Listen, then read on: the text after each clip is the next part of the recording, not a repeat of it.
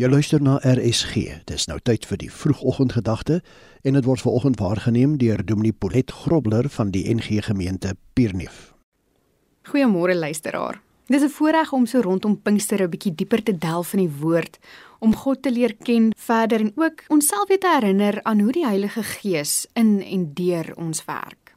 Hoe die Heilige Gees ons troos en bystaan in 'n wêreld wat soms maar baie de mekaar is. En ek hoop dat hierdie reis deur die woord ook jou oë sal oopmaak vir die werk van die Heilige Gees in jou lewe. Ons staan ver oggend stil by 1 Korintiërs 12 waar Paulus aan die gemeente van Korinte skryf. En hy skryf vir hulle omdat daar onderlinge twis en hoogmoedigheid ontstaan het oor verskeie genadegawes. En Paulus skryf op meer as een geleentheid aan die gemeentes van die Nuwe Testament om oor hierdie verskeie gawes van die Gees te praat wat aan die kinders van God gegee word. Onder andere lees ons van die onderskeie gawes van profesie, om te dien, onderrig, bemoediging, wysheid, kennis en geloof, ook genesing en dinamiese kragte. Ons lees oor profeseë, onderskeiding van gees en verskillende soorte tale en die uitleg van hierdie tale. Maar watter wonderlike gawes is hierdie alles nie? Dit is ook die gawes wat die Here aan elkeen van ons gee. En so skryf hy ook dan in 1 Korintiërs 12. Wat die gawes van die Gees betref, broers, wil ek hê dat julle ingelig moet wees. Daar is 'n verskeidenheid van genadegawes, maar dit is dieselfde Gees wat dit gee. Daar is 'n verskeidenheid van bedieninge, maar dit is dieselfde Here wat die opdrag gee. Daar is 'n verskeidenheid van kragtige werkinge, maar dit is dieselfde God wat alles en almal tot stand bring. Aan elkeen afsonderlik word 'n werking van die Gees gegee tot voordeel van almal. Aan die een word deur die Gees die gawe gegee om die woord van wysheid te praat, aan 'n ander 'n woord van kennis deur dieselfde Gees en aan 'n ander in dieselfde Gees word die genadegawes van gesondmaking gegee, maar alles deur die een Gees.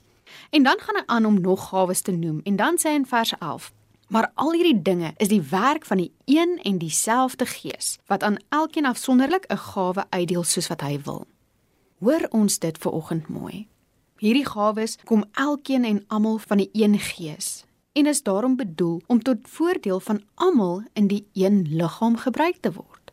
Paulus hoop dus hiermee dat die gelowiges sal ophou om hulle gawes met mekaar te vergelyk en eerder die verskeidenheid van gawes sal gebruik tot die stigting en die opbou van die een liggaam van Christus in die gemeente. Dit sal gebeur as elkeen fokus op die gawes wat die Gees aan elkeen afsonderlik beloof het. Want hy gee die gawes aan elkeen met die oog op diensbaarheid in die gemeenskap van die gelowiges. Die een gelowige se gawe is nie noodwendig dieselfde as die volgende een se nie en is definitief nie belangriker nie. Ons het dus mekaar nodig as gelowiges om aan te vul en ondersteun te word deur mekaar se genadegawes. So onthou dit vandag. Die Gees gee aan jou 'n genadegawe. Jy moet dit gebruik tot opbou en uitbou van Jesus se liggaam hier op aarde, wat die kerk en jou geloofsgemeenskap is.